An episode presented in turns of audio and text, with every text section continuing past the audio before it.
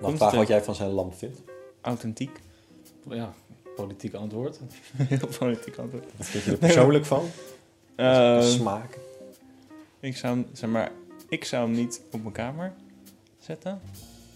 Want ik ben meer van de eh, of wat strakkere design dingen zoals dit. Of een beetje een soort van natuurvibes. Een beetje hout, een beetje papier, een beetje eh, groen dingen. Mhm. Want hoe zou je dit omschrijven dan? Vrij klassiek. Hoe zou jij het beschrijven, Ron? Aftans lelijk. Tering lelijk. Graf lelijk. Oh, wat vind ik dat een Hij lelijke zat te lamp. wachten tot hij de vraag terugkreeg. Jezus.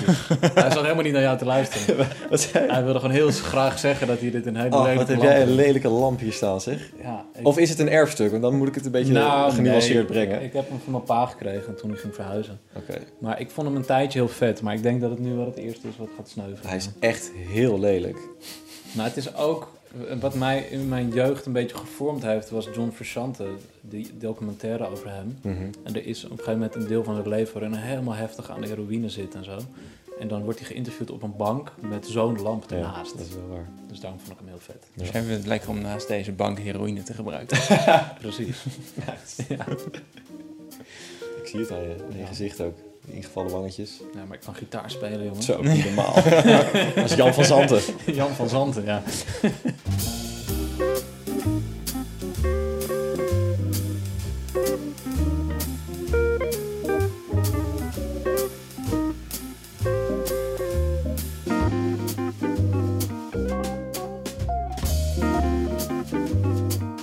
Ja, want eh, we zijn er weer, Roel. We zijn er weer. Dan zet je radiostem maar weer op. Hallo. Ja, je luistert naar de Met Zonder Vrienden podcast. De podcast waarin Roel Smit, je hoorde hem al even net, eh, en ik zelf, Wessel Sambros, wij onderzoeken of onze vriendschap uniek is. Ehm, ja, 13 of 14 jaar, we houden het nog maar even in. Ja. En ehm, ook wat vriendschap betekent, wat er allemaal onder kan vallen. Nou ja, alles wat vriendschap beslaat, daar hebben we het over. Ja. En ehm, dat doen we door het erover te hebben. Met gasten en zonder gasten. En deze keer, hij zit al mee te knikken, hebben we weer een gast. Namelijk Juriaan de Vos. Goedemorgen, middag, Middag.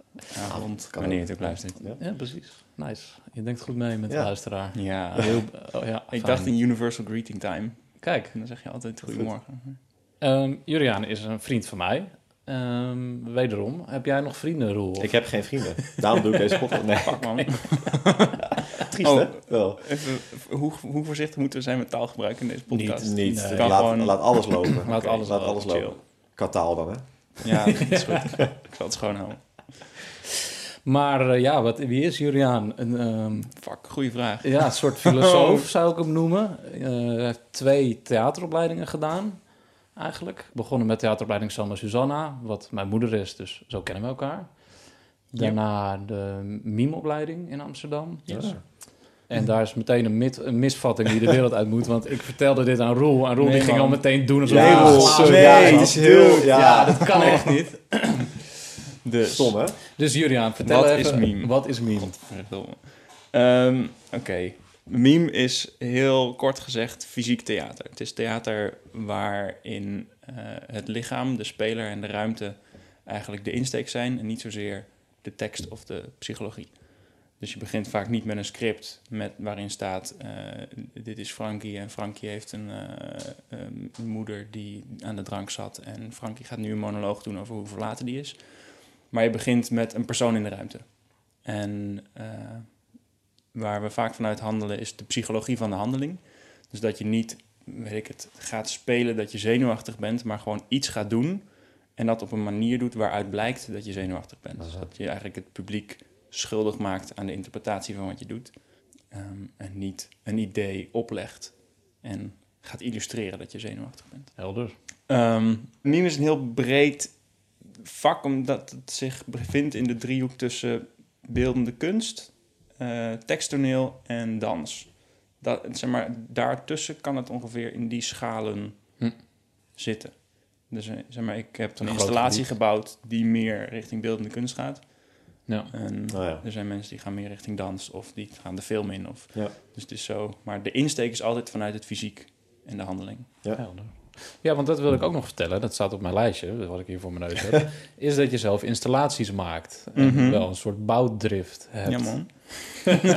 En je, be- je bent ook nu een YouTube-kanaal begonnen met je broer of Ja. broertje, dat weet ik niet. Ja. De Building Foxes. Mhm. Eh, Wat, wat doen jullie met de Building Foxes? Ja, wij, eh, wij bouwen dingen. En we heten De Vos, dus toen dachten we, we noemen het de Building Foxes. Nee, we zijn nu een, eh, een serie aan het maken hoe we zoveel mogelijk met fietsen kunnen aandrijven. Dus onze eerste video was een fiets aangedreven draaibank. Eh, de tweede video is nu een eh, fiets aangedreven grasmaaier. Dat is vet. En we hebben nog een hele lijst met eh, dingen in het verschiet. En ik kan er een paar spoilen, maar ik weet niet of dat... eh, Ja, doe. Nou ja, het is, misschien heb je nieuwe kijkers. Ja, plug het gewoon. Plug het. Nou, er zit er een in de pijplijn en dat is eh, om eh, stroom op te wekken. Dus we hebben een dikke dynamo aan die fiets gemaakt zodat je telefoon kan opladen en een of andere loeigrote ledlamp kan laten branden. Zeker. Dus eh, die, eh, die zit eraan te komen. Dan hebben we ook nog plannen voor een zaagtafel, dus dat je hout kan zagen. Ehm, mogelijk iets van een boot of een surfplank met een fiets erop, dat je Wat? fietsend kan varen. Nou goed, de Building vet. Foxes heet het. Dus Ja. voor iedereen die dit wil Like, zien. subscribe, abonneer. Doe alles. ja. Ehm, want ik wilde nog wel even terug ehm, naar die eh, twee theateropleidingen die je hebt gedaan. Want we zitten per slot van rekening bij de Met van Vrienden podcast. Mhm. Ik ben wel benieuwd. ehm, ik kan me voorstellen dat als je zo'n kunstopleiding doet, of dat nou mime is of theater of misschien de filmacademie ook wel, dat je ehm, in een situatie zit waar de klassen vrij klein zijn, ehm, relatief gezien. En dat je ook, omdat het een kwetsbaar vak is wat je leert, dat je toch op een hele andere manier met je klas bezig bent dan als je bijvoorbeeld rechten studeert of zo. Ja, dat denk ik wel. Het zijn toch wel echt meer, worden het vrienden, kan ik me voorstellen. Ja, en in die zin ook omdat de meme gewoon een hele fysieke opleiding is, heb ik een hele andere band met mijn klasgenoten, vrienden, collega's van die opleiding. Ehm, Maar hoe is die dan anders? nou, ik ben bijvoorbeeld veel gemakkelijker. Ik ga veel makkelijker met hun eh, naakt zwemmen, samen douchen, eh, naar de sauna, weet ik het, dan met mijn broers. Nou ja. Hmm, Omdat ik gewoon met mijn broers die band nooit zo heb opgebouwd. Interessant. Terwijl met mijn klasgenoten hebben we genoeg eh, naakte voorstellingen en eh weird shit gedaan in de opleiding. Dat dat gewoon vanzelfsprekend is. Maar geeft dat ook een andere lading aan de vriendschap? Omdat je dus elkaar naakt ziet en, nou goed, dat soort dingen. Of is Nee, dat is ook gewoon een beetje vanzelfsprekend in het vak of zo. Dat is gewoon heel normaal. Nee, dat is dan, maar, maar, maar stel- heb je bijvoorbeeld ook, je hebt misschien ook wel vrienden waarbij je dat dan niet hebt. Mhm. Is dat, is dat anders? Ehm, ja, het is anders in die zin dat ik dat met die vrienden niet heb. Maar het is in die zin, het is niet een per se een verdiepende laag Oké. in de Hm. vriendschap. Het is gewoon iets wat je wel of wat je niet doet. Net als dat je met sommige vrienden muziek maakt en met anderen niet. En met sommige vrienden bier drinkt en met anderen eh, filosofische gesprekken hebt. Ja. Of, zeg maar, het is gewoon, ja, het is een verschil wat je doet. Maar het is niet een Hm. verdieping of een kwaliteitsoordeel. Wat Nee. eraan Vond je dat lastig in het begin? Ehm, ik heb daar fysiek nooit zo'n probleem mee gehad. Hm. En dat, ja, ik denk dat dat omdat gewoon die omgeving daar heel veilig voor is, Ja, precies. was Ja. dat nooit echt een issue. Nou, ik ben ook wel benieuwd hoe dat dan voor jou zit. Want kijk, wij hebben dan niet zo'n opleiding gedaan, allebei. Nee. Uh, Maar jij hebt bijvoorbeeld wel een opleiding gedaan. Dat is het is een heel ander een wereld van verschil hoor. Maar jij zat volgens mij, moest jij iedere week naar, naar een film kijken. In een, in een film, eh, film eh, hoe heet dat, in de bioscoop bijvoorbeeld. Ja, Schept dat ook dan een andere band? Dat je met elkaar niet alleen maar in de klas zit. Nee. Zoals je bijvoorbeeld misschien, het is heel denigrerend of zo, maar in, met de studie rechten wel zou doen. Of dat je met elkaar echt elke, elke week in de bioscoop zit. Wat is dat Nee. met die studierechten? Dat, ja, nee, nee, nee. Ja, het is wel een raar voorbeeld. Wij, Nou, of- ja. dat. Nee, helemaal niet. Nee, maar ja, weet ik veel. Ehm, nee, dat is niet anders als je in een bioscoop zit. Dan is het gewoon alsof je in een collegezaal zit. Maar dan in plaats van naar een man met een beamer... eh, zit je naar een film te kijken. Dat was niet heel anders, denk Nee? ik. dus je eigenlijk naar alleen een beamer te kijken. Ja. Hey. Nee, ja.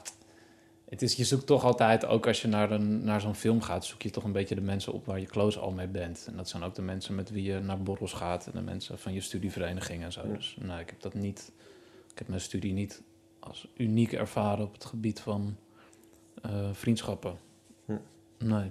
Want wat heb jij eigenlijk voor opleiding gedaan? Ik heb een mediaopleiding gedaan, media informatie en communicatie heet het. Ehm, Ik moet eerlijk zeggen, ik merkte, wel- ik kan het ook niet echt zeer vergelijken. Eh, als je dan bijvoorbeeld weer die rechtenstudie neemt, waarin je dus misschien wel wat meer in de collegebank zit. Ik heb natuurlijk wel heel veel, het is heel praktische studie heb ik gedaan. Heel veel praktische opdrachten gedaan in groepsverband. En ik merkte wel dat het met dat af en toe wel, dat ik dan wel kanten zag van mensen waarin ik dacht, hey, dit, dit vind ik leuk aan jou en dit vind ik minder leuk aan jou. Uh, ja. dus, dus voor mij heeft het wel af en toe, eh, ja, heeft dat wel Maar verschil gemaakt. Het kan toch niet anders dat dit proces in, niet in een stroomversnelling komt als je met elkaar staat te douchen of zo? Ja. Ja, nee, ik zit er ook nu over te denken van... Ja, ik heb wat dat betreft wel eigenlijk per definitie een intiemere band met mijn schoolgenoten dan Dan wij. een, Hadden iemand die toen. rechten studeert. Denk ik. Ja. Maar dat is niet anders dan andere vrienden, dat bedoel je per se. De band. Ja, het is niet ehm, minder of eh, meer dan andere vrienden. Natuurlijk heb ik met sommige mensen dan meer aansluiting dan met anderen of zo. Maar ik heb wel met iedereen eigenlijk een bepaald niveau van eh, vertrouwen. Ja. Omdat heel veel in de opleiding gaat ook over vertrouwen. Al is het alleen al acrobatiek waar je gewoon elkaar niet moet laten vallen. Ja. Maar ook in het spel ben je elkaar heel vaak, moet je op of van elkaar op aan kunnen. Dus ik heb eigenlijk met iedereen daar wel een behoorlijke vertrouwensband. Dat is wel mooi, ja. en zijn dat dan ook echt vrienden voor het leven meteen? Voelt dat zo, ja, oude meme-klas? Ja, ik denk het wel. Ik, ja, ik denk dat eh, wan- wanneer we elkaar ook uit het oog verliezen of zo, dat het altijd wel... Er is, er is een basis waar we dan sowieso Ja. terugvallen of zo. Want dat heb ik bijvoorbeeld niet met mijn studie. Hm. Misschien ook wel handig om even erbij te vertellen. En ook een lekkere schaamteloze plug. Ehm, met mijn hele meme-klas vormen wij een eh, collectief. Collectief het Paradijs. En eh, daarmee maken we voorstellingen. En zijn we nu een lekker eh, theaterveld aan het veroveren terwijl het op gat ligt. Ehm, Lekkere tijd wel. ja, fantastisch. Ehm, nee, dus we zijn in die zin ook gewoon nog best intensief met elkaar Ja, aan het werk. Nou ja. Ja. Ehm, dus er zit best wel een zekere regelmaat en eh, noodzaak in elkaar blijven zien op dit moment. En als dat niet dat collectief was geweest, had je dan, was, was dat dan wat meer uit elkaar gevallen? Of was die vertrouwensband dan zo sterk of die connectie dat je hen ook nog wel eh, met enige regelmaat blijven zien? Of- Ja, dat, ja. ja, grappig als je dat zo zegt, denk ik. Ik denk dat ik eigenlijk dan vaker met mensen vriendschappelijk had afgesproken, omdat we nu elkaar gewoon qua werk vaak Ja, zien. Dat is en wel spreken. anders. Dat is wel een wezenlijk verschil, denk ik. Ja, dat was, waren we denk ik vaker bier gaan drinken en minder productioneel gaan lullen. Ja, Ja. Nou, dat heb ik met Roel ook. precies. Omdat we deze podcast hebben, Ja. heb ik echt geen zin om op mijn vrijdagavond ook nog met hem te zitten. ook die kop weer te zien. Nee, ja, ik snap het. Top. een vrije avond. Ja. gelijks. Ja, ja. Actieve nou. maar ehm, ja, is dat een, eh, een groot deel van jouw sociale leven dan ook, die groep mensen? Heb je veel vrienden nog daarnaast? Of hoe, hoe ziet jouw sociale bubbel eruit eigenlijk? Ehm, mijn sociale bubbel bestaat inderdaad voornamelijk uit mensen van de opleiding, van de mime-opleiding, mensen van eh Selma Susanna en nu huisgenoten, want ik woon in een gebouw met eh, Ja. 116 andere mensen. Gezellig. Het is geen Ja. bubbel meer. Dat is niet echt een bubbel, dat is meer een soort van Het is gewoon een dorp. Ja. zeep, zeepmassa. ja, precies. Ehm, nee, dus mijn sociale bubbel is eigenlijk voornamelijk eh, een aantal mensen van Tops en het collectief Ja. en een paar huisgenoten. Waar ik ook nog naartoe wilde, want we hebben eigenlijk al heel veel shit opgenoemd die jij allemaal doet. en dat is een, echt een scala aan. Ik was ook nog even naar jouw site gegaan en daar vind ik dan ook weer een soort. er staat dan codes, staat daar over, over een soort bestanden, Oh ja, dat ook allemaal weer? technische. Een soort, echt soort HTML-script Ja, staan er dan op. En je maakt theaters en je maakt gewoon constructies die je op het podium gebruikt. Maar ja, ook een fiets waarmee je het gras kan maaien. Wie ben jij? Een hele goede Ja, vraag. hoe- ik heb geen idee. Nee, Hoe sta ehm, je daarin zelf? Ehm, ik ben gewoon heel erg aan het zoeken naar waar ik energie van krijg, wat ik tof vind. En dat zijn heel veel dingen. Dus ik doe ook heel veel dingen. Ehm, ik, ben, eh, ja, ik ben van alles in hart en van alles in nieren. En ja, ik maak theater, ik maak kunst, ik schrijf dingen. Ik eh, bouw drones, ik eh, schrijf kleine scriptjes om videobestanden aan elkaar te plakken. Ik weet niet, zeg maar, het is gewoon alles wat ik... Ik ben super nieuwsgierig. En ik denk dat dat eigenlijk wel de eigenschap is die mij het meest kenmerkt. Als je een overkoepelende benaming zou zoeken. En hoe, ja, komt toch bij de vraag, hoe voelt dat? Want ik merk dat ik zelf het heel fijn vind om eh, mezelf toch af te bakenen in categorieën. Dat ik denk, oh ja, ik ben muzikant en ik ben videoproducent en podcast host of zo. Hmm. En er zijn vast wel meer dingetjes die soms groter worden en sommige dingen weer kleiner worden. Maar jij doet dat dus niet. Nee, ik ben daar gewoon in aan het zoeken. En ik ben wel op zoek naar een kader voor mezelf. Omdat dat ook gewoon richting en focus geeft. Zodat de energie niet vervliegt, maar gewoon ergens goed eh, tot z'n recht kan komen. Ja. Ehm, En hoe zoek je daarnaar? Ja, op dit moment door gewoon zoveel mogelijk te doen waar ik zin in heb. Met mijn broer kwamen we op dat idee van die fietsen. En daar werden we allebei gewoon heel blij van. Toen dachten we, fuck it, we trekken die fiets uit de schuur, we gaan het gewoon doen. En eh, dat is eigenlijk een beetje hoe ik nu op zoek ben. Kijken wat geeft me energie en wat kan ik dus lang doen. Ja. Want ik kan een heleboel kort doen, maar een heleboel heb ik ook na een tijdje wel weer gezien zeg maar, ik ben dus een, best wel een nerd ook, qua technologie. ik weet best wel mijn weg in computers. Dus ik heb ook een tijdje bij een computerzaak gewerkt als techneut. ehm, om daar geld te verdienen. Om in het onzekere kunstenvak ook nog een beetje vaste voeten te hebben. Vaste grond onder de voeten te hebben. En dan merk ik dat ik dat als hobby vind ik dat superleuk. Maar zodra het eigenlijk professioneel wordt en gestructureerd... komen daar ook een soort van... komt daar een soort sleur in. En die wil ik vooral niet. Hmm. Dus dan denk ik, ah ja, dan is dat niet waar ik... Dat is niet welke kant ik op wil. En heb heb je je die dat... Heb je die sleur ook wel eens ergens anders in ervaren? Als je dan bijvoorbeeld wel iets doet dat heel erg alleen maar creatief is, dat je daar ook een soort bepaald mate van sleur in ervaart?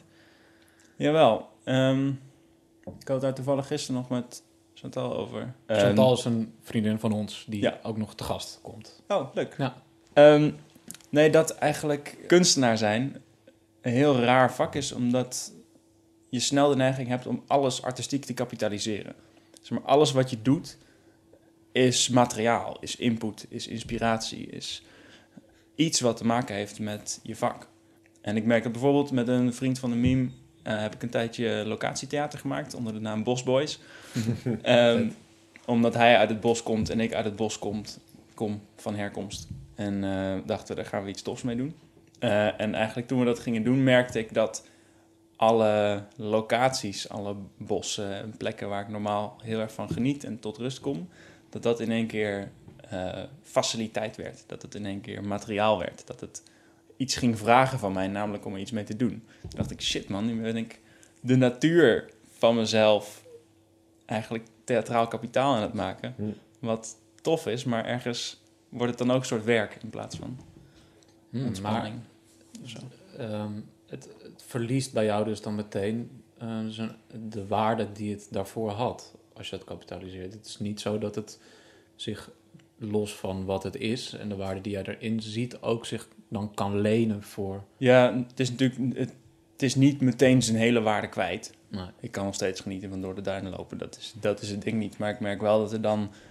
Er is wel iets bijgekomen waardoor eigenlijk... Als ik op Terschelling ben, dat ik dan denk... Ja, dat is wel een verrekte mooie plek Ja. dit. eh. Ja. Ah, ja. Het heeft altijd dan dat randje opeens. Of zo. ja, Dat- komt ja. toch, in één keer komt dan toch even dat werk langs. Ja. En, maar dat, dat vind je dus ook erg, dat dat zo is. Ja, ik zou het denk ik best lekker vinden om gewoon een hobby te hebben die gewoon echt alleen maar hobby is. Maar kan Ja. dat? Weet ik niet. Kan, jij, kan jij dat? Dat denk ik niet. Nee. Dus eigenlijk waar je tegenaan loopt, is dat je, als je ergens meer tijd in investeert, dat je meteen tegen die drempel aanloopt, waardoor je het niet meer leuk vindt. Omdat het daarmee... Ja, van het professionaliseren Ja, of het precies. gebruiken voor iets. Dat lijkt me wel heel lastig eigenlijk. Mm, ja, misschien. Maar het is er denk ik ook gewoon een soort van eh, attitude ding daar naartoe. Ja. Van ja, je kan ook jezelf niet zozeer die druk geven of niet zozeer die, dat gewicht eraan geven van nu moet ik er iets mee, maar gewoon Ja. nou, dat kan. Ja. Ja, precies. Dat hebben we ergens in de pocket zitten en eh, Ja. Ja. we zien wel. Want hoe doe je dat dan nu met het Paradijs? Je eh meme collectief? Want dat is wel een soort professioneel ding aan het worden. Zeker. Nee, en dat is... Of is het misschien al? Dat ken Ja. ik niet. Ja. Ehm, nee, daarin zijn we, we zijn met z'n allen een soort van het artistieke team waarmee we de voorstellingen bedenken. En ik ben gewoon, dat is een constante zoektocht, want dat is kunst nou eenmaal. naar hoe ga ik daar mijn kwaliteit en mijn fascinaties en mijn inspiratie eh, insteken. Dus ja, dat kan, dat is heel verschillend. En we doen dan in zo'n proces hebben we gewoon allerlei. Dan maken we solo's of dingen. En ik heb dan ook wel eens gewoon zo een, eh, een beamer op de camera van een drone aangesloten. En daarmee door het gebouw gevlogen.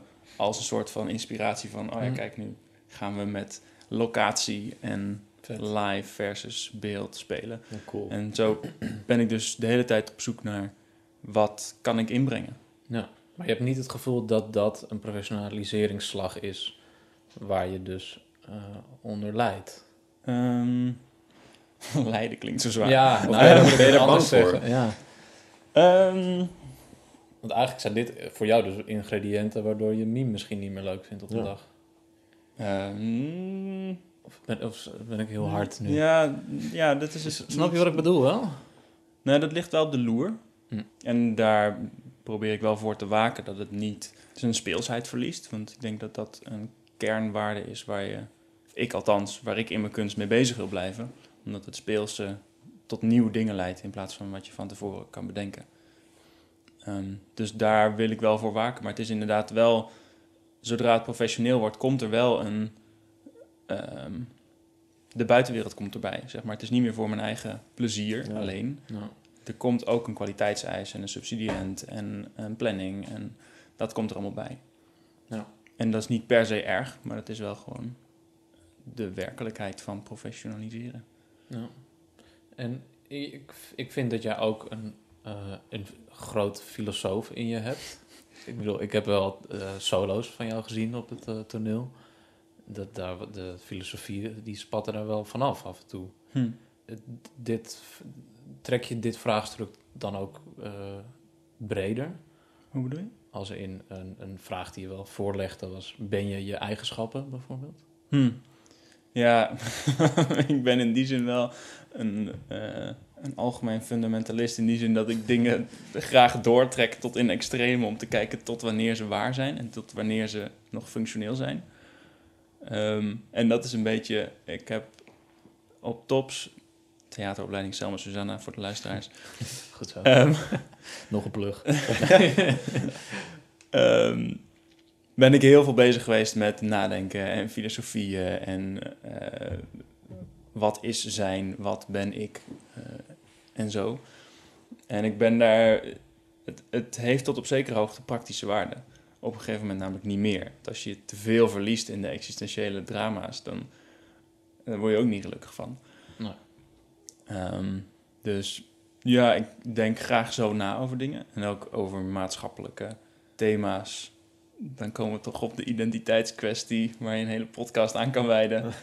Eh, maar dat is wel, denk ik, eh, een goed voorbeeld van ben je je eigenschappen. Je kan ehm, transgender zijn. Ik zag laatst een video van iemand die trans race is. Dus die was wit en die voelde zich altijd zwart. En die heeft zich toen door tanning supplements of zo te nemen, heeft hij zichzelf zwart gemaakt. Hm. Of zijn huidskleur ver- verdonkerd. En het is een hele interessante video hoor. Dus ik zou het zeker opzoeken. Ik zal even de link opzoeken dat we die ergens in de description eh, kunnen plaatsen. In de show notes. Ehm, want het is heel interessant om te zien hoe hij eigenlijk vergaat van eh, wit persoon naar zwart persoon. En hoe hij daarover praat, omdat hij ook dus een heel erg oordeel heeft over witte mensen. Hm. En daar heel heftig en extreem in is. Oké. Is interessant. Ga ik even sturen. Maar Ja. wat ik daar interessant aan vind, is dat het bij mij de vraag doet reizen van wat ben je en wat is maakbaar. Ja. En ik dacht, ja, kan je ook trans-age zijn? Kan ik zeggen, ja, maar Ja, ik, ja. identificeer me als 15-jarig. Ja, dat Of was die als die aan 85. Flippo, die heeft dat geprobeerd, toch? Ja, Die dat. Chaka-man. Ja, die, Wat? eh, hoe heet die ook weer? Eh, Ja. Ach. Die was 65 en die heeft dan geprobeerd om officieel zich te laten registreren als Ja. 20-jarige. Emiel, Ra Emiel Ratelband was dit. Chaka. Ja. Nee, man. Ja. Ja. Echt? Ja. Die heeft, een, die heeft gezegd, als, als iedereen maar van gender kan veranderen, dan wil ik nu, wat is het, 15 jaar jonger in Ja. mijn paspoort hebben staan of zo. En dat heeft hij echt aangevochten en dat is Ja. niet gelukt. Die is ook echt in Amerikaanse talkshows geweest. Ja, ja, ja. Wauw. ja. Nice. Maar dat raakt dat wel. En blijkbaar, eh, ja. Nee, je begon over wat is maakbaar. ja, zeg maar En wat... dat je daarmee bezig bent. Ja, dat ik bij mezelf... Want ik ben natuurlijk als witte, heteroseksuele, cisgender man ben ik ongeveer het, uh, het de ergste norm wat er van is. alles. Ja. Wij alle Ehm, drie zijn de, de ja. norm van alles wat dat betreft. Ja. Maar waarom is het iets wat jou zo interesseert? Nou ja, ik denk dat dat voor een groot deel gewoon die nieuwsgierigheid, nieuwsgierigheid is waar ik het net over had. Ik ben gewoon heel nieuwsgierig naar al dit soort interessante patronen en structuren en hoe dat werkt. Ehm, plus dat het zich ook nu natuurlijk, eh, het heeft ook op mij zijn weerslag van wat ben ik? Wat aan mij is maakbaar en wat aan mij is nou eenmaal geworvenheid, zoals wie, het, hoe was, het, wie was dat? Heidegger? Ik weet niet. Maar wat, wat ben je nou eenmaal? Ja. Ik ben namelijk gewoon geboren bij, wat is het, middelklas ouders? Zeg maar niet, niet super arm, niet super rijk. Gewoon, Ja. ja. Ja. De goede burgerij. Ja, kan ik dat veranderen? Kan ik zeggen, ik Ja. identificeer me als een upper class eh, white boy? Ik weet het niet. Nee. Is Ja. het iets van de laatste tijd of je er- was je daar vroeger als kind ook al erg mee, mee bezig? Met, waar, waar, of als kind of misschien als puber? Ehm, ik ben wel altijd al bezig geweest met zijn en bestaan en wat is dat? Dat is de laatste tijd wel echt geïntensiveerd met de maatschappelijke context van de identiteit. Ja. Ja, natuurlijk. Want die is wat mij betreft best wel buitenproportioneel onder druk komen te staan. Waardoor het nu een heel gevoelig thema is geworden. Ja. Ja. Wat ook misschien goed is, omdat... Het is zeker, nee, dat, het is zeker goed om identiteit aan de kaak te stellen. En zeker de negatieve gevolgen van Ja. Ja. dat soort dingen eens even eh, aan de kaak te stellen. Ehm, maar ik moet zeggen dat bij mij een beetje de grens ligt bij transracial. Dat ik denk, ja, dude, Ja. wat is dit? Ja. En ja, misschien is dat mijn perspectief als witte cisgender eh flapdrol, maar ja, want waarom, dan, waarom is het veranderen van je gender dan wel precies, waar is ja. er een grens? Is er een objectieve grens? Is er een culturele grens? Ja. In hoeverre is dat maakbaar? Ehm, ja, kan ik me identificeren als Hawaiiaan? Ja, dat, is- dat is dan ook nergens op gebaseerd. Nee, maar dat moet dan ook kunnen. ja. Ja. Nou ja, ik, ja. ik denk dat identiteit voor een groot deel een sociaal construct is. Mhm. En ik vraag me dus vaak af in hoeverre je identificeren als iets, wat voor betekenis dat heeft. Als inderdaad, om even die transracial dude als voorbeeld te nemen, wat, wat betekent het om je te identificeren als zwart? Mhm. Hoe- wat, wat bedoel Ja. je? Wat voel je Ja. dat je dat zwart wil noemen? Maar dat is voor iedereen anders, toch? Lijkt me. Er is toch niet een soort objectieve waarheid over wat eh, alleen al wat een mannelijke identiteit of een vrouwelijke identiteit is. Dat Mhm. is niet Nee. objectief vast te leggen. Nee. Want als man kijk je er per definitie anders naar dan als vrouw. Ja. Ehm, of als non-binary. Of Mhm. Nou ja, wat, ik denk zelfs dat wij alle drie een ander eh, perspectief hebben op hoe het voelt om man te zijn. Dat denk ik ook. Zullen we het daar eens over hebben? Ik ben wel heel benieuwd wat jullie zien als wat is man zijn. Want er zijn natuurlijk drie mannen die allemaal in de cisgender, witte, blonde baardcategorie vallen. Beetje, Ja. beetje. Wat is het om man te zijn? Ik, ehm, ik denk niet dat ik daar een antwoord op kan geven, omdat ik het niet los kan zien van hoe het is om mij te zijn. Dat is dezelfde vraag als hoe is het om eh, geen borsthaar te hebben. Dat is voor mij dezelfde vraag bijna. ja, nee, maar dat, is zo niet Hmm. objectief antwoord op te geven. Nee. Hm. Ik geloof ook niet in een objectieve waarheid op geen enkel vlak. Nee? Nee. Ik denk zelfs al het feit dat dit een glas is wat ik nu vast heb, dat neem ik op een andere manier waar dan jij. En daar hebben we een, een, gemeenschappelijke woord voor gevonden, namelijk glas. Maar ik ga nooit kunnen begrijpen, misschien is dit glas voor jou geel, maar voor mij, door, eh, snap je, voor mij heeft het geen kleur. Maar dat is hoe jij nu het, he- niet van een kleur hebben interpreteert. Dat ik ga nooit door jouw ogen en door jouw hersencapaciteit de wereld kunnen waarnemen. Maar hebben we niet een gezamenlijke vorm van waarheid? En die hoeft niet absoluut te zijn, maar wel een overeenstemming in feitelijkheden Precies. nodig om samen te kunnen leven. Maar dat, Ja. dat is gebaseerd op afspraken die we gemaakt hebben met elkaar. Ja, dus En niet meer dan dat. Nee. Omdat je het anders nergens over kan hebben. Anders kan ik niet zeggen, geef dat Ja. glas eens aan. Ja. Dus we hebben afgesproken, nou, di- dit is voor mij een glas. Neem het even waar. Dan noem jij het ook een glas. En dan kunnen we het erover hebben. Maar of het voor jou hetzelfde is of dan voor mij, dat ga ik nooit echt kunnen weten. Heb je dat echt met alles, ja? Ja, Nou, want wat ik... dat is waar. Ja. Even in de mic blijven praten. Terwijl je Ehm, glas vastpakt. Nou ja, wat ik daar interessant en moeilijk aan vind, is dat ik ben ook groot tegenstander van absolute objectieve waarheden. Ehm, maar dat stellen speelt ook dingen als fake news in de kaart. Dat je kan zeggen, ja, maar hallo, eh, hoezo is dit een objectieve waarheid? Nou ja, ik heb toevallig mediastudies gestudeerd. Ehm, Nou, leg eens uit. Ehm, objectief nieuws bestaat niet. Je kijkt Mhm. altijd naar een interpretatie en naar een verhaal wat iemand gevormd heeft. Ik bedoel, een, een, eh, een mannelijke verslaggever of een vrouwelijke verslaggever, die gaan een ander verhaal vertellen. Ja. Iemand met een lichtere huidskleur vertelt weer een ander verhaal dan iemand met een donkere huidskleur.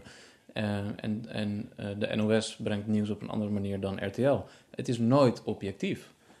Ehm, alleen, en daar moet je voor waken. Dus je moet eh, als kijker altijd kritisch zijn en weten waar je naar kijkt. En je kan wel voorkeur hebben voor het een of voor het ander.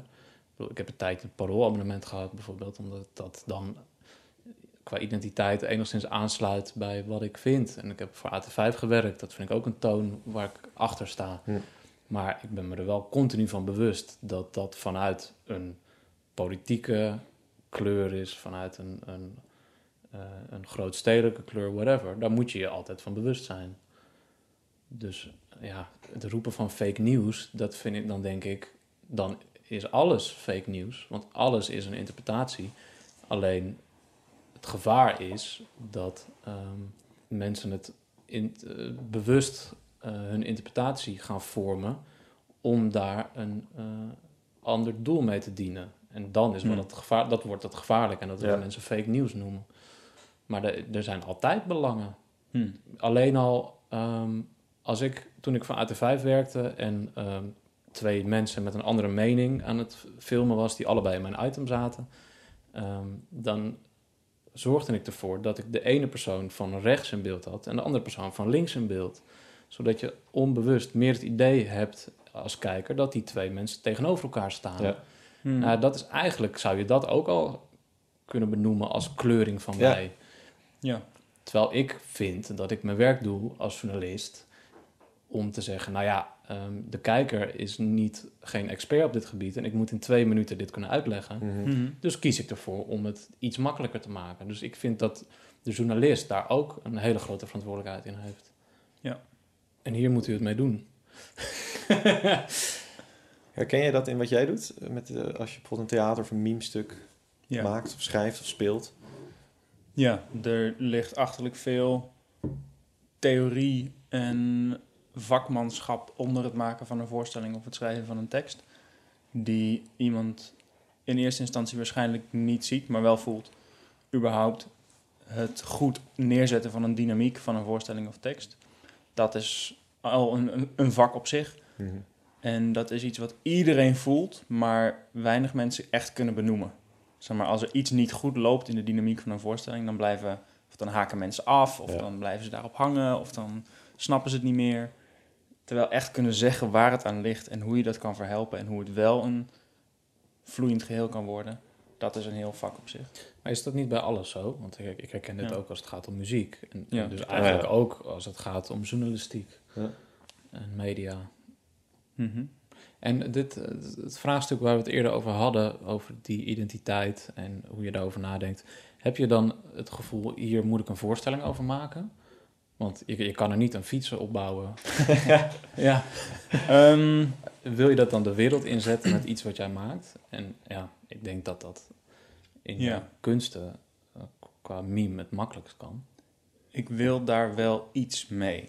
Ik denk niet dat eh, een expliciete voorstelling over identiteit Nee, het middel is, maar ik wil daar wel iets mee. Zeg maar, bijvoorbeeld ehm, de theaterschool die heeft om de zoveel tijd hebben ze eh, half zes. Ja. een soort talkshow waarin mensen worden geïnterviewd. Ik ben een keer gevraagd om daar livestreams van te organiseren. Ah, cool. Ja. Ehm, ik schrijf daar best vaak een live column bij. Oh, Dus dan zit ik tijdens het gesprek mee te schrijven en dan lees ik die aan het eind voor als een soort samenvatting en bespiegeling van mijn kant op wat er allemaal gezegd is. Dus dan vertrouw je erop dat jouw beeld van de wereld en je beeld van jezelf toch wel doorvloeit in alles wat je maakt. Ja. En daar ben je niet heel bewust mee bezig. Ja, soms. Dat, maar dat is heel erg afhankelijk van het medium en hoezeer een situatie erom vraagt. Ik ga niet, kosten wat het kost, mijn visie op een identiteit pluggen waar maar mogelijk. Maar Maar als de situatie erom vraagt en ik denk, goh, dit is wel even handig om hier iets over te zeggen, dan En waarom vind je dan dat jouw mening ertoe doet? Omdat ik denk dat, ehm, en dat is denk ik ook een groot doel van kunst, maar ik denk dat überhaupt het blijven communiceren en de dialoog gaande blijven houden super belangrijk is om ons als mensen samen te laten komen. En niet af te drijven in groepering denken, eh, fascisme, ehm, mensen tot objecten maken en daarmee ontmenselijken. Ik denk dat dat samenkomen super belangrijk is en daarvoor moeten we blijven praten. En het beste wat je kan doen om te blijven praten is blijven praten. En dat is wat jou motiveert ook om maker te zijn. Ja. En gebeurt dat ook als je een fiets op een surfplank zet? Ehm, misschien.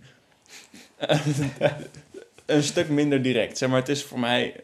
ehm, Ik ben zo benieuwd wat jij als, vanuit die filosofie, hoe je dan komt Ja, ja, ja. bij de Building Foxes. nou, Het moet met elkaar te maken hebben ergens. het idee is ontstaan in de post-apocalyptische setting van eh, corona. Ja. Namelijk, stel, shit's going down. eh, we hebben geen benzine meer, geen elektriciteit meer, we hebben niks meer. Alleen onszelf en de schuur vol met zooi. Oh, ja. Ehm, Hmm. Hoe gaan we dan dingen doen? Ja. Gaan we dingen aan- hoe gaan we dingen aandrijven? Gaan we onze telefoons opladen? Eh, Wat voor zin dat dan ook heeft als alle zendmasten Ja. zijn omgevallen. Omdat iedereen 5G de wereld uit wil helpen. En in dingen in de fik heeft gestoken. Ehm, nee, dus daar kwam dat eigenlijk uit voort. Ehm, Dus eigenlijk is het een soort performance art bijna. stiekem wel. Maar dat, dat, dat zit er niet in. Nee. Nee, het is eigenlijk een soort post-apocalyptisch projectje. maar dat zeggen we niet zo expliciet, omdat het daar, daar weer allerlei ladingen van krijgt. Maar ja, ergens het ding van met je spierkracht dingen aandrijven waar we normaal kolen voor in de fik steken, vind ik een hele leuke eh, insteek om om te gaan met de dingen die je doet. Zijn we bijvoorbeeld het ding om stroom op te wekken, die komt nog. Ehm, maar daar heb ik mijn telefoon even aangehangen en ik heb daar een lamp mee laten branden. En dan voel je dus in je bovenbenen hoe zwaar het is om bepaalde dingen te doen. En dan ga je heel anders nadenken over Wat Even. dingen kosten eigenlijk. even een wasje draaien. Ja. Ja, Of oh ja. eh, dat als de oven een half uur aanstaat, dan moet je vijf uur keihard voor fietsen om dezelfde energie op te wekken. Interessant. Dus in die zin is eigenlijk alles een dialoog of zo. Nou, dat geldt natuurlijk ook voor wat we nu aan het doen zijn. Maar veel letterlijker dan dit Trialoog. kan het niet. Een trialoog. Nice. Nee, noem je dat geen dialoog meer als het meer dan twee mensen Weet zijn? ik niet. Volgens mij wel. Toch? Ik zie dat jij het gaat opzoeken. Ja, man. Eh, Ja. Ik kan het nog niet heel erg vinden. Als jullie eh, parallel processing eh, ook wat rekenkracht tegenaan willen gooien. Kijk, zo heeft nog nooit iemand mij gevraagd om, Om mee te helpen zoeken. Nice. Moet je wel al die cookies gaan doen en shit? Hier. Een dialoog is een gesproken of geschreven conversatie tussen twee of meer personen. Oké. Dat is gewoon letterlijk Wikipedia. Hoe heet het ook weer? Als een, wat de betekenis van een etymologie, toch? Als het, Ja. maar, waar het vandaan komt, het Etymologie, ja, herkomst. Dia is uit het Grieks een voorvoegsel met de betekenis door. Ah, en logos is van woord, taal, reden. Dus d- ja, Dus het is eigenlijk middels taal. Ja. ja. Het is gewoon een gesprek eigenlijk. Ja, Het is gewoon een gesprek. Dialoog is gewoon een gesprek. gesprek. Nice. Dus het is een dialoog. Ja. Misschien Chill. moeten we dat even in de intro aanpassen volgende keer. Dat we zeggen, we gaan het dialoog aan dialoog om uit te zoeken hoe onze, of onze vriendschap uniek is. Zo. In plaats van een gesprek. Ja. Wel mooi. Volgende week zit hij erin. Ja, precies. Zo. Dan moet jij weer, dus eh, Prima. succes. Dialoog. Zijn er nog dingen waar je het over wil hebben, Juriaan? Nee, niet per se. Ik vond het wel lekker zo'n beetje van hot naar her over alle thema's heen springen. Ja, Roel. Nou, ik zag nog een luistervraag binnenkomen. Ja, we hebben weer een Ja. luistervraag. En dat vind ik dan toch leuk om die dat even is te, wel te leuk. behandelen. Die moet erin. Ja, toch? Zeker weten. Zal ik hem even opzoeken? Ja, doe het. Even kijken. Dat is een luistervraag. Dat is een, ja, een, letterlijk een vraag van een luisteraar waar wij dan het Ah. dialoog over aangaan. Ja. Mensen kunnen, het kan geschreven zijn, maar het is het leukst als je een audioberichtje instuurt. En dan eh, Aha. kunnen we daar het over hebben. Dus Spannend. laten we eens even gaan luisteren. Vanaf nu krijgen we iedere week een vraag van Juliaan opgestuurd. Het zou leuk zijn. Is goed. Hey, hallo. Eh, ik had een vraagje. Wat is het meest nutteloze dat je ooit hebt gekocht? Dus echt iets waar je gewoon niks aan had. Hebben we allemaal wel, volgens mij. Jeetje. Fuck man. Wat het meest nutteloos wat je Ik ooit ga nu rondkijken gekocht. in mijn huis. Ja, Ik, Ik ga nu ook in mijn hoofd door mijn ik, huis kan, wel- ik heen. kan wel dingen noemen hier, Wessel. nou, ik, heb, ik heb, daar staan heel veel sigaren uit Cuba daar. Is dat nutteloos?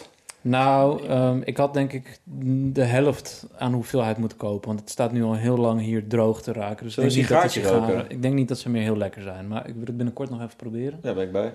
Wat heb ik verder? Ondertussen ik. mogen andere mensen best Ja. antwoord geven. Ja, het is natuurlijk leuk om, zeg maar, niet iets kleins. Zeg maar, ik heb wel vaak natuurlijk van die Prolaria gekocht. eh, op het Waterloopplein of eh, in Ja, een dat of heeft andere... iedereen wel, denk ik, ja. Maar gewoon echt iets groots waarvan je dacht, oh, dit moet ik hebben. En dan achteraf gewoon helemaal niks mee gedaan.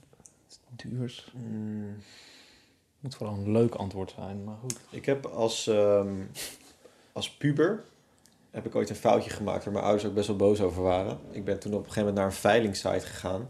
Want ik dacht, ja, ik kan gewoon een beetje gaan mee gaan bieden. Je wint toch nooit wat. En toen heb ik op bepaalde dingen geboden die ik, waar uiteindelijk, uiteindelijk ik dan de hoogste bieder werd. En dat heeft wel één ding...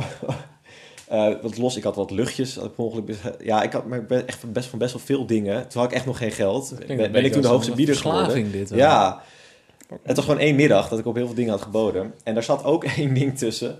Dat, was dus, die is best wel, dat is best wel een unit eigenlijk. Eh, dat is een beveiligingscamera. Weet je wel, die gewoon overal bij die panden hangen. Maar dan eentje die het niet doet. Wat? Hoezo moest je hier zo lang over nadenken? Een neppe is echt- beveiligingscamera. We gaan hier niet meer overheen Oh, komen. een, een dummy. En een dummy, ja, een dummy ook. En ik heb hem ook nog trouwens. Heb je hem Nice. ergens hangen waar die... Ja, hij hangt zo bij mijn huid. nee, ik heb hem nog wel. Jeetje. Ik heb hem nog wel. Wow. Dus als iemand die wil, we kunnen hem verloten. Of, of, of iemand Ja. mag bieden. Kan jij hem niet als Wat- prop gebruiken in uiteindelijk voorstelling voor hier? Ja, dat weet ik niet meer. Maar ik denk echt wel wat. Ik denk echt wel... Nou ja, dat, heeft, dat loopt wel in de tientjes, denk ik.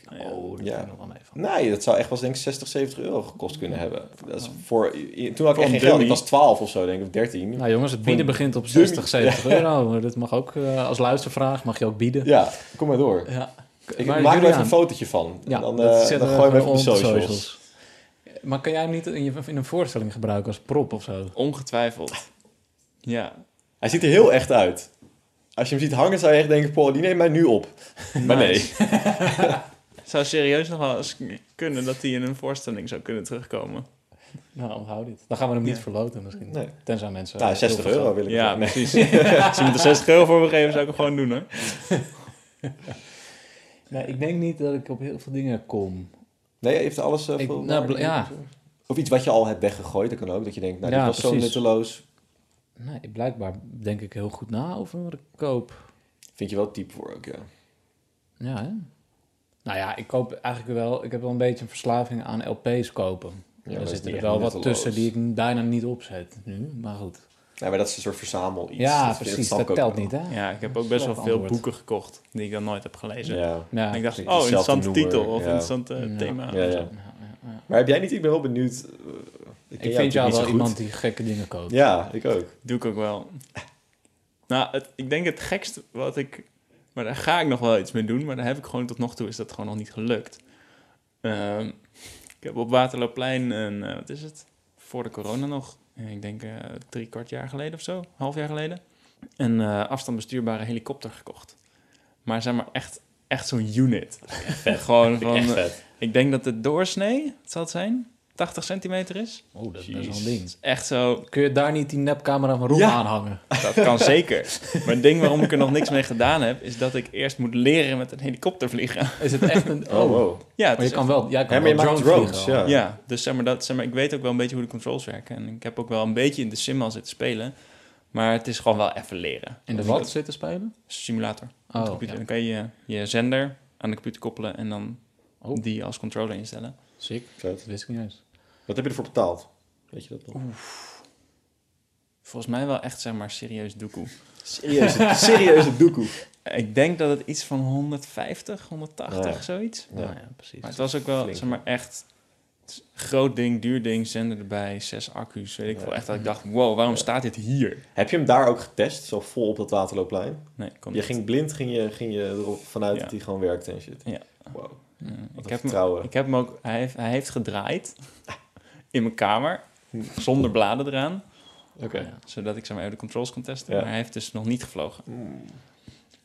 Nou, ik heb wel een wake-up light na, naast mijn bed staan. En ik heb niet het gevoel Ja. dat ik daar heel veel relaxer van wakker word Nee, eigenlijk. we hadden het vorige week nog Ja. over, twee weken geleden. Twee weken geleden ja. was dat, ja. Terwijl jij ook gewoon witte gordijnen hebt, dus je Ja. hebt het eigenlijk echt niet nodig. nou, in de winter. Maar- ja, oké, Ah, dat, we gaan nu weer hetzelfde Ja. gesprek voeren als vorige keer. maar het, ehm, nee, dat, is, dat betaal je ook echt wel 150 euro voor zo'n fucking Echt? wake-up light. Ja. Echt geld? Ja. Holy Het is shit. ellende is het. Ik dacht echt, nu gaat mijn slaapritme echt exponentieel omhoog. Maar de, Maar niet. nee. Shit, man. Dus nu is het gewoon eigenlijk wat een wekker ook doet. Nou, maar ja. Ga je die je weer wakker maken. Ja, en dan, hij, wordt wel, hij geeft wel licht dan een half uur van tevoren. Maar niet Hm. gevoel dat ik er heel veel aan heb. Hm. Vrij nutteloos. Wel oceaangeluiden als ik wakker word. Maar dat helpt dus ook niet. Nou, nee, misschien een beetje. Lijkt me wel chill om wakker te worden met zo. Ja, dat is op zich wel chill. Vogeltjes kun je ook, ja. Maar goed, dan gaan we even naar de vraag van de week. Dat mag. Dat was Huub. De vraag van de week, ehm, die zal dan zijn de volgende. Eh, wat doe je met vrienden waarvan je voelt dat het eh, aan het verwateren is, eh, terwijl je dat liever misschien niet hebt, maar het ook oké is dat het gebeurt? Ehm, hoe ga je daar maar om? Persoonlijk en in de communicatie naar die persoon. En dan misschien is het ook wel interessant om, mocht het zo zijn, om die dan wat breder te trekken naar, naar een groep. Waarvan eigenlijk iedereen door in de groep dat er iets, dat er iemand een beetje achterblijft of, Hm. of wegblijft. Dat er een satelliet in de groep is. Ja, hoe, hoe, hoe betrek je diegene er weer bij of, of hoe laat je dat oké Hm. Gaan? Nou, Huub, dit had ook in 10 seconden gekund. De 30 vragen van de week. Is, eh, is satellietvrienden, is dat een woord? Ehm, Zo'n vrienden die een beetje zo eromheen... ja, dat is wel een ding. Ik heb die term eigenlijk... Een, ehm, een ex van mij, die had een vriendengroep waar een beetje een satelliet bij zat. Hm. Waarvan iedereen dat wist en dat dan ook oké was. Ik vind het best wel een liefelijke term voor iemand Ja. die eigenlijk aan het verdwijnen is. Gewoon. Ja, maar die was niet aan het verdwijnen. Dat Die was, was al gewoon een, altijd. een permanente Altijd zat die zo een soort van- om de Maar dat was, had heen. ook een, het was ook een beetje een wat wazige gast, zeg maar. Dus Nou ja. dat klopt allemaal wel. Er zat een soort geostationaire baan om die vriendsgroep heen. Ja, zo had, dat, zo had ik het ook willen noemen. Ja, maar goed, dat lukt wel even niet. hey, maar Julia, heb je een antwoord hierop? Hoe, hoe ga je, Hoe ga je om met vriendschappen Heb die verwateren? meegemaakt? Heb je een satellietvriend eigenlijk? Heb ik een satellietvriend? Ja, maar je hebt niet een satellietvriend. Oh, je hebt een satellietvriend in een vriendengroep heb je Ja. een satelliet. Maar laten we het Nou, gewoon maar hebben heb je over... dat? Zijn er heb je verwaterde vriendschappen waarvan je het eigenlijk jammer vindt, maar niet goed weet wat je ermee moet? Ja, ik weet niet. Zeg maar, ik heb niet het gevoel dat de vriendschap dan heel erg verwatert of zo, maar gewoon het contact niet zo meer gebeurt. Omdat je toevallig allebei niet meer bij elkaar in de buurt woont en eh, een heel ander leven hebt. Zeg maar, ik heb een aantal vrienden van mijn basis slash middelbare school. En die zie ik haast nooit meer. En dat vind ik heel jammer, maar het is ook oké of zo. Want Mhm. ja, we hebben allemaal ons eigen leven. Maar als ik die dan weer zie, eh, dan is er niet iets minder aan die vriendschap of zo. Nee. Hm. Maar qua communicatie of zo, het is niet dat we het daarover hebben en zeggen... ja, onze vriendschap is een beetje aan het verwateren. Nee. Nee, ja, nee, is eigenlijk oké.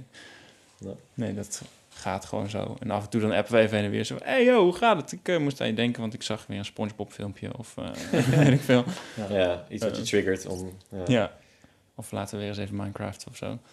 Dus verwaterende vriendschappen vind jij niet heel kwalijk of zo, maar dat gebeurt en dat is oké. Ja, nou ja, Ja. en ik heb dus niet zozeer het gevoel dat de vriendschap zelf, dat de band verwatert. Nee. Ik denk dat die eigenlijk Ja. altijd wel blijft. Ja, oké. Of zo. Ja, dat is wel relaxed om daar altijd op te vertrouwen, inderdaad. Ja, jij, Roel? Ik denk dat ik er wel een beetje hetzelfde naar kijk. Ik gezegd, ik heb wel met bepaalde mensen van de middelbare school dat ik het af en toe wel lastig vind, inderdaad. Ik ben namelijk, dat hebben we al een keer besproken, niet echt een initiatiefnemer. Ik zou niet heel snel uit mezelf eh, iedereen maar contacten, zeg maar. Nee, en, ik, precies. en ik ben, maar tegelijkertijd, dat is een beetje hypocriet, ben ik ook wel, heb ik ook wel een beetje een handje van, oké, ehm, we spreken elkaar nu niet meer. En ik neem ondernemers ook geen actie in dan laat ik het wel gewoon. Ik heb niet altijd heel veel zin en en- energie om daar dan mijn tijd in te steken. Ja. Dus dat is best hypocriet. Maar aan de andere kant zegt dat misschien ook wel iets over de vriendschap op dat moment. Ja. En is het ook oké. En ik ben daarnaast, en dat herken ik in wat jij net zei, ik ben dan altijd wel heel cool met als er dan wel weer contact is. Of ik heb inderdaad, eh, ik veel, er wordt, je wordt getriggerd of je komt elkaar weer tegen of zo. Ik heb nooit hard feelings dan of zo. Dan is het altijd helemaal oké om, om... Wat mij betreft ga je dan gewoon op de oude voet weer verder. Ja. Ehm, hoe is dat voor jou? Ehm, nou ja, ik herken me wel in jullie verhaal. Alleen heb ik wel altijd een soort even een bewust moment dat ik me afvraag in hoeverre het mijn verantwoordelijkheid is dat er geen contact meer is. Of dat er minder contact is. En dan kom ik eigenlijk altijd wel tot de conclusie van, nou, het feit dat je geen contact hebt ligt net zozeer aan mij als aan die ander. Hmm. Want anders zou er wel contact zijn. Ehm, nee, ik vind het wel vervelend als het voelt, als het voor mezelf of voor die ander voelt alsof het mijn schuld is dat er geen contact is. En wat zou de situatie zijn dat het jouw schuld is? Ehm, nou, ik kan me voorstellen dat als er iemand is die mij vaker belt dan dat ik diegene bel, dat diegene op een gegeven moment Hmm. denkt van hé, het voelt niet meer in balans. Hm. Ik ga eens even kijken wat er gebeurt als ik stop met bellen of zo. Ja. Dat zijn natuurlijk denkbare situaties. Maar komt dat ook omdat jij juist wel iemand bent die dat vaak doet? Want ik, Ja, bij ons is, wel. wij hebben dat, dat is al, ook al benoemd, die disbalans. Ja, Dus Ja, en ook, het, kijk, het, het, het kan ook best zijn dat het gevoel van die ander onterecht is. Maar dan Mhm. vind ik het toch wel fijn om dat te weten of zo. nou ja. Dus ik vind het wel belangrijk dat die andere dan hetzelfde erin staat als ik. Dat Ja. is eigenlijk waar, Ja. waar ik dan wel even over nadenk. Nou ja. Ja, ik heb denk ik gewoon nooit dat soort situaties gehad. Want ik heb inderdaad ook wel van mensen die dan zeggen van... Oh ja, maar daar heb ik eigenlijk niks meer van gehoord. Of die stuur ik dan een berichtje, maar die stuurt dan niks terug. Is het wel een soort van wederzijds behoefte aan gezelligheid? Of, Mhm. En ik heb dat gewoon nooit met iemand gehad. Mhm. Het is gewoon echt zo... Ja, wel of niet. En eh, Ja, het precies. is eigenlijk allemaal wel oké of zo. Nou ja, wij hebben elkaar eh, denk ik een maand geleden weer gezien. En daarvoor ook echt een jaar niet. Drie jaar. Drie Ja, jaar toch ben ik wel benieuwd ja. naar jullie vriendschap. Daar hebben we het helemaal niet echt heel erg over gehad, eerlijk gezegd. Nee. Nee. er is ook niet zo heel veel over te vertellen. Nou ja, weet ik niet. Meer want dat jullie wij- jullie ja. kennen elkaar natuurlijk al een tijdje, maar hoe, hoe zouden jullie jullie vriendschap omschrijven? Ja, we kennen elkaar wel een jaar of tien, denk ik. Maar Ja, maar ik denk dat we het, altijd als we elkaar zien is het superleuk en gezellig. Eh, Ja, en dan op de een of andere manier gaan we dan gewoon weer elkaar heel lang niet zien. ja. Dus dat is eigenlijk een beetje waar we het over hadden ook. En dan, Ja. Maar dan niet dat het het verwaterd label erop eh, Nee, Ja. geplakt krijgt. het is maar... nooit anders geweest. Nee, Nee, precies. Nee, precies. Dus het, is is, nu- verwa- het is verwaterd begonnen. Ja, Ja. dat is het. Dus alleen maar winst. dit is gewoon de norm Ja. voor jullie. Ja. Nice. Nou ja, we hebben dan blijkbaar genoeg gemeenschappelijke vrienden... waardoor we elkaar wel gewoon nog eens in de drie Ja. jaar tegenkomen. Spreken jullie wel samen af? Ehm, nou, het was eigenlijk een week geleden dat je mij belde... omdat je zin had om een biertje te drinken. Dat was Ja. voor het eerst. En toen Ja. is het niet doorgegaan. Nee. Dat je had geen zin best. Nee. Nee, ik weet niet meer wat de situatie was. Het maakt niet zoveel uit. Maar ik denk eigenlijk sinds een maand of twee... dat we elkaar meer hebben gezien dan de afgelopen Tien jaar bij tien jaar. Ja, ja, ja. Maar wat ook aan de hand is, is dat jij en Chantal zitten in elkaars inner circle. Ja. En Chantal en ik zitten in elkaars inner circle. Maar jullie zitten niet in elkaars En- inner circle. Ja, maar dat, Ik denk dat dat- is nu een soort Ja. van onontkoombaar, is dat wel aan het gebeuren daardoor. Ja, we worden een soort van in elkaars inner circle getrokken. Ja, Ja. Doordat. Chantal ertussen zit. ja. Willen jullie dat eigenlijk wel, jongens? ja, laten we Ja. daar eh, een andere keer, andere keer hebben. Ja. Want we moeten nog één praktisch ding aftikken. En dat is de, vraag, de nieuwe vraag van de week. ja. Van Juriaan de Vos. Eh, de nieuwe vraag van de week is...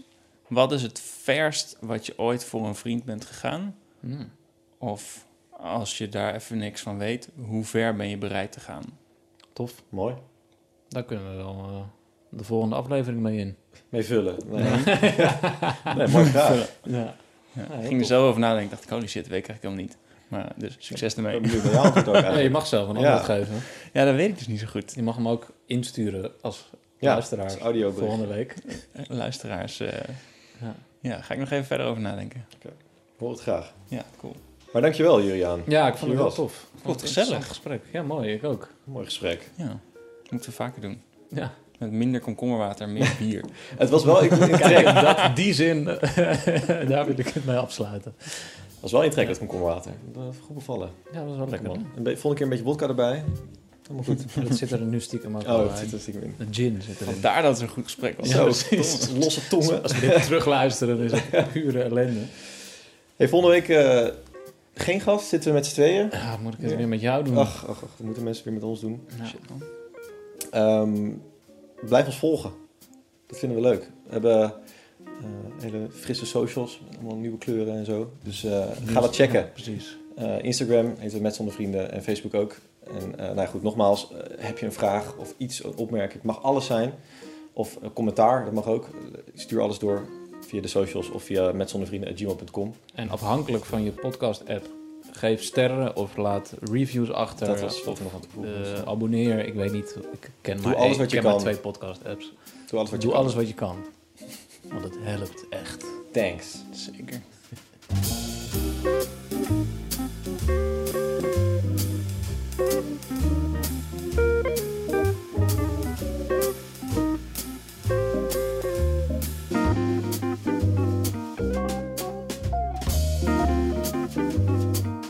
Zo, we waren natuurlijk in Drenthe vorige Oh, week. hel Oh, dit is echt een heel goed Oh. verhaal.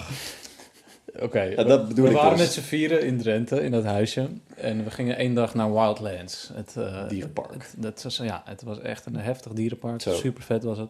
Maar eh, vooral jij, Roel en Jimmy, die waren echt heel erg brak. Ja, En jullie gingen met één auto en ik ging met Huub met een andere auto. En jullie waren er eerder dan wij. Dus wij kwamen aan bij die ingang. En, ik, en Roel die is in gesprek met zo'n verkoper. Super brak. En ik zag aan jouw gezicht dat jij echt op... wilde het niet. Het maakte niet uit waar je Nee. anders had kunnen zijn, maar niet daar was met Echt. die gast Ja. in gesprek op dat moment. Oh, wat een hel. Maar het erge was dus ook, ik liep met Jimmy daar naartoe. En eh, die man die klampte eerst Jimmy aan. en Jimmy zegt, nee, nee, nee, maar hij heeft wel interesse. nou ja, ja, daar sta je dan. Het wat was- werd het- jou verkocht? Het was, ja, het was voor, ehm, ja, best wel triest, maar voor eh, honden die dan eh, eh, zwaar autistische mensen helpen, zeg maar, om rustig te ja. worden of nou, dat soort dingen.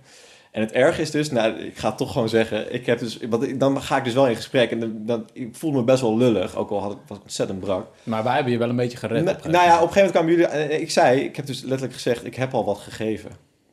Oh ja, Dat is wel heel triest, hè? dat is wel de ergste. Zo heb ik hem uiteindelijk afgewimpeld. Ik heb al wat gegeven. Aan wie dan? Ja, nee, er stond op dat park stond een potje met, dat Oh. herinner ik mij, voor ook die dat hu- honden, Ja, hulphonden. ja, ja, ja. Zei, ik heb al wat gegeven, maar ik moet nu gaan. Erg, hè? Echt, oh, ik, echt. voel echt, Ja, Ja, ik vind eigenlijk dat ik nu wat over moet maken naar, eh, wat is dat, Stichting Hulphond. Ja, doe het. Ja. Ga ik niet doen. Nee. nee, precies.